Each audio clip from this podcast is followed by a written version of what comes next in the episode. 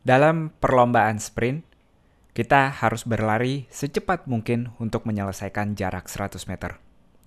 Kalau kita menggunakan kecepatan yang sama untuk menyelesaikan full marathon yaitu 42 km atau kalau teman-teman baru mencoba mulai dari 5 kilo, 10 kilo dengan menggunakan kecepatan sprint yaitu berlari secepat mungkin, teman-teman tidak akan bertahan sampai akhir. Selamat datang di teh atau kopi.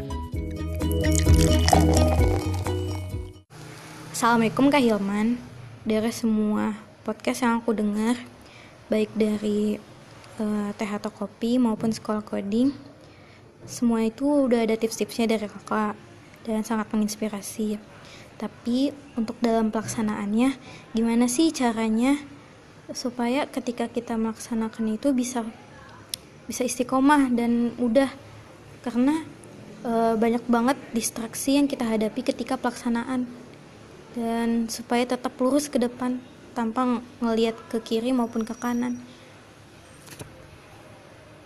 Makasih kak. Terima kasih untuk pertanyaannya. Derek Savers pernah bilang kalau informasi adalah jawabannya, kita semua sudah menjadi milioner dan berbadan six pack. Saya bacanya ketawa dan ironi memang karena zaman sekarang masalahnya kita bukan sama sekali kekurangan informasi. Kita waktu bangun yang kita punya bisa kita pakai untuk terus mengkonsumsi informasi atau belajar tapi tidak akan ada habis-habisnya. Nah, sekarang tugas teman-teman di banjir informasi ini, gimana teman-teman bisa memilah-milih atau gimana teman-teman bisa memfilter mana informasi yang betul-betul relevan untuk teman-teman. Sebelum saya menjawab langsung pertanyaannya tentang masalah konsistensi, kita harus um, mengingat dulu kalau masalah yang disebutkan bukan hanya masalah penanya aja, tapi penanya yang berani untuk menanyakan untuk didengarkan oleh semua orang. Termasuk saya sendiri ada banyak sekali hal-hal yang baik yang ingin saya lakukan atau mungkin sudah saya lakukan dengan semangat berapi-api tapi tidak bertahan lama setelah itu saya mulai malas akhirnya kebaikannya tadi saya tinggalkan. Jadi terima kasih sudah berani bertanya karena masalahnya sekali lagi bukan cuma kamu tapi saya dan teman-teman yang mendengarkan juga punya masalah tentang masalah konsistensi ini. Ada yang pernah bilang kalau orang-orang mengunderestimate atau merendahkan apa yang bisa dilakukan dalam satu tahun. Tapi orang-orang juga mengoverestimate atau berlebihan dalam apa yang bisa dilakukan dalam satu hari. Di satu sisi, kita punya cita-cita yang besar, dan kadang kalau kita habis dengerin seperti podcast, membaca artikel, atau dengerin oh, acara motivasi, kita semangatnya luar biasa pengen nyelesain banyak hal, pengen ngerjain banyak hal. Akhirnya kita mengoverestimate atau berlebihan dalam apa yang bisa kita lakukan sehari. Mungkin rencana di awal saat kita melakukan hal tertentu itu berhasil, tapi itu cuma bertahan 1-2 hari. Akhirnya kita sama seperti orang sprint yang mau menyelesaikan maraton, yaitu kita berlari sekencang mungkin, nafas kita nggak bisa kita atur, yang harusnya kita berlarinya pelan-pelan, mengatur tempo, akhirnya kita kewalahan, kita nggak sampai di garis finishnya tadi. Nah sekarang kalau teman-teman ingin mulai kebiasaan baik, ingin mulai melakukan sesuatu, jawabannya bukan untuk terus mengkonsumsi hal baru atau mempelajari hal-hal baru, bukan. Tapi apa yang teman-teman udah dengarkan, apa yang teman-teman udah pelajari, coba dijadikan jadwal konkret apa yang harus dilakukan. Tapi jangan berlebihan dalam apa yang harus dilakukan dalam sehari bikin betul-betul kebiasaan baik yang sangat-sangat simpel. Kalau teman-teman mau mulai makan makanan sehat, nggak usah targetnya langsung mau makan full tiga kali full makanan sehat. Bikin target minggu ini paling enggak dalam tiga hari, paling enggak makan siangnya aja deh. Saya mau mengganti dengan full sayur-sayuran misalnya. Atau kalau teman-teman yang sama sekali belum pernah olahraga di sini atau olahraga dulu doang terpaksa pas masih SD, sekarang udah lupa lagi caranya olahraga, bikin target olahraga paling enggak satu kali dalam satu minggu. Saya sangat menyarankan aktivitas olahraganya diikuti dengan aktivitas sosial. Jadi kalau bisa yang mainnya bareng orang, misalnya um, basket, bulu tangkis, futsal dan lain-lain. Jadi di situ teman-teman juga pergi dari kebiasaannya yang kita bahas di podcast sebelumnya yaitu sosial media jadi interaksi langsung ke manusia asli. Dibanding kalau teman-teman berlari, berlari cocok untuk teman-teman uh, mikir sambil mikir sesuatu sambil refleksi apa yang dilakukan itu cocok tapi di situ kita nggak dapet uh, dari sisi sosialnya nah tentu ini berbeda kalau teman-teman ikut komunitas lari di mana sebelum dan sesudahnya biasa teman-teman berkumpul dan berdiskusi dengan teman-temannya jadi itu dia kita bisa uh, melempar batu langsung kena dua ikan itu bukan pepatah yang biasa kita dengar tapi teman-teman dapat Semoga dapat maksud saya info yang mau disampaikan. Jadi uh, sebelum terlalu jauh, pastikan kita harus sadar kalau ini hal normal yang dirasakan oleh banyak orang tidak konsisten itu. Yang kedua, kadang kita berlebihan menaruh target. Targetnya teman-teman ngelakuin hal-hal kecil, tapi sebisa mungkin setiap hari. Nah, saya lanjut lagi. Um, kita bisa potong lagi di pertanyaannya itu uh, ada bagian kalau bagaimana cara mengurangi distraksi tanpa melihat kiri dan kanan, begitu bahasanya. Betul sekali zaman sekarang ada banyak banget distraksi mulai dari televisi, mulai dari laptop, handphone, dan segala macam. Ada banyak banget hal-hal yang nggak penting kita jadi tahu.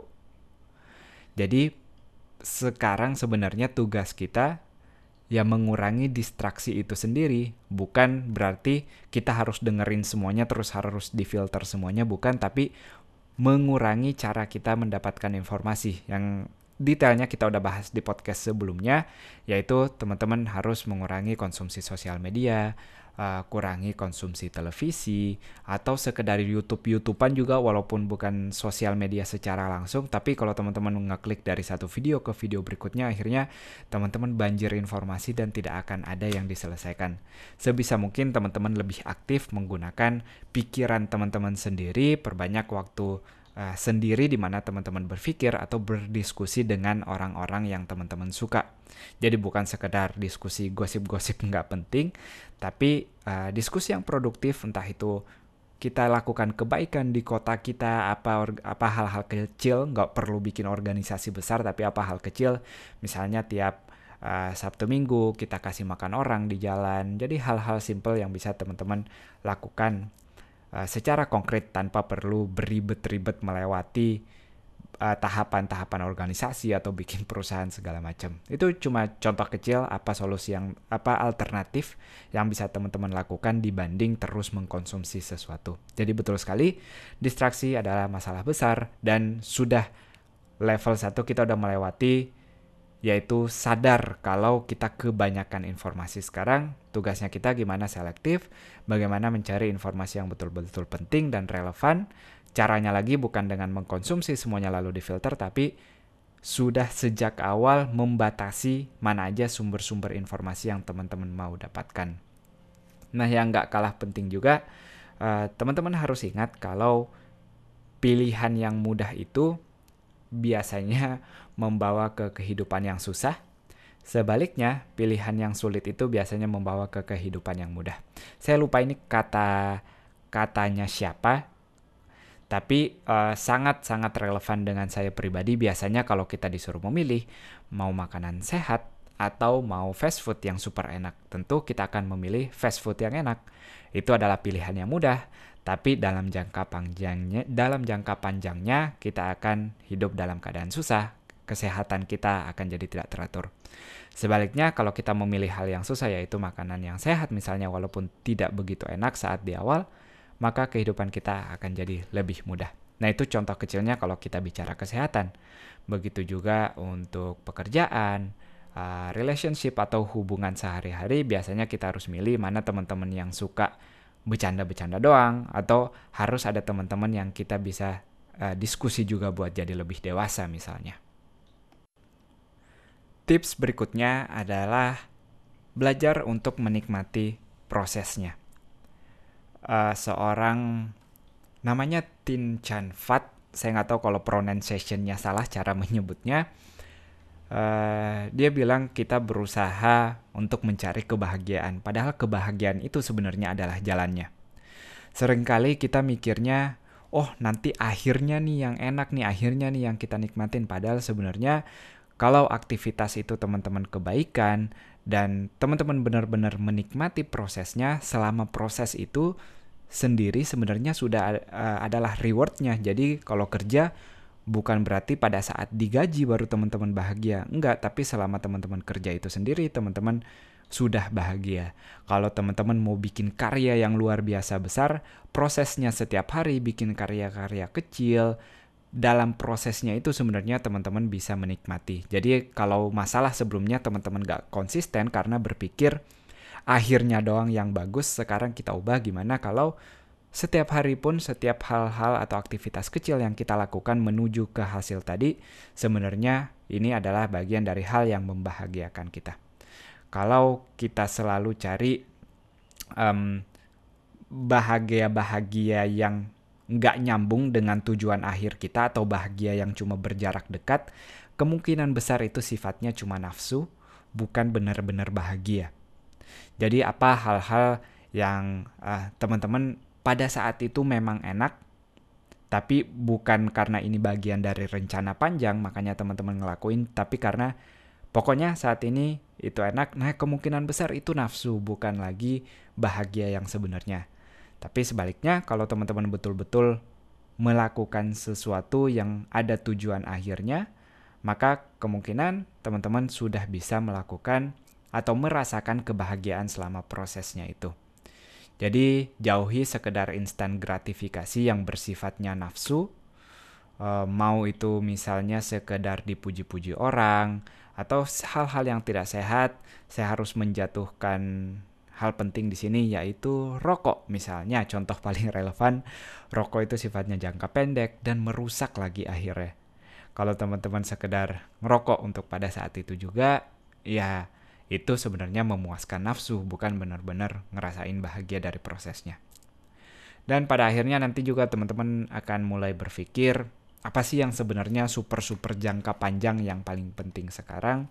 Tentunya kalau teman-teman seseorang yang beriman, uh, yang paling penting tentu kehidupan setelah ini. Kalau masa dunia ini cuma masa ujian-ujian aja, kita ada seneng-seneng dikit. Tapi ada hal yang lebih jangka panjang lagi yaitu kehidupan setelah kehidupan dunia ini misalnya kalau teman-teman seseorang yang beriman. Jadi wajar aja kalau kita menjadikan hal-hal uh, yang bersifat jangka panjang sebenarnya nanti itu jadi hal-hal prioritas kita.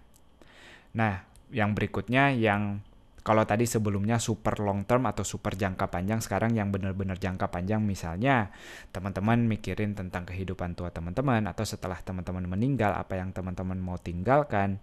Nah di situ tentu teman-teman nggak mau hidupnya jadi hidup biasa-biasa aja. Tentu kita mau meninggalkan warisan-warisan yang baik, mau punya karya-karya yang bisa membantu kehidupan orang lain. Dan hal-hal ini teman-teman nggak bisa dapatkan kalau teman-teman cuma ngelakuin kebaikan-kebaikan atau berusaha cuma sekali-sekali aja. Ini sama sekali nggak bisa kita dapetin.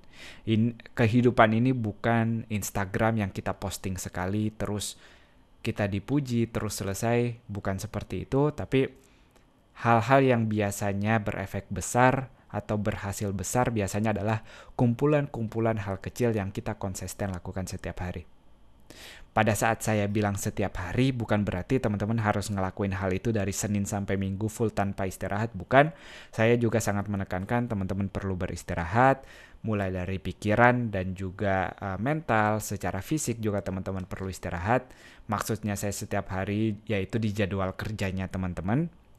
Jadi bisa jadi cuma Senin sampai Jumat, bisa bisa jadi Senin, Rabu, Jumat, Minggu, berselang-seling tergantung jadwalnya teman-teman. Tapi apa pun hal itu lakukan dengan konsisten. Nanti teman-teman setelah beberapa hari atau setelah beberapa waktu, hal ini bukan lagi menjadi beban, tapi sudah menjadi bagian proses yang teman-teman suka, jadi bagian proses yang tanpa sadar kita nikmati dan punya efek jangka panjang akhirnya, bukan sekedar memuaskan nafsu di awal. Itu dia, uh, tanpa berpanjang lebar lagi. Semoga ada manfaatnya dan semoga teman-teman bisa mempraktekkan bukan sekedar mendengarkan podcast-podcast ini tapi benar-benar teman-teman bisa praktekin apa yang ada di dalamnya. Semoga bermanfaat dan mohon maaf kalau ada salah-salah kata. Ciao ciao. Hey, makasih udah dengerin episode ini. Share teh atau kopi ke teman-temannya di dunia maya dan dunia nyata. Jangan lupa selalu benerin niat, perbaiki sikap, dan luaskan manfaat. Sampai jumpa.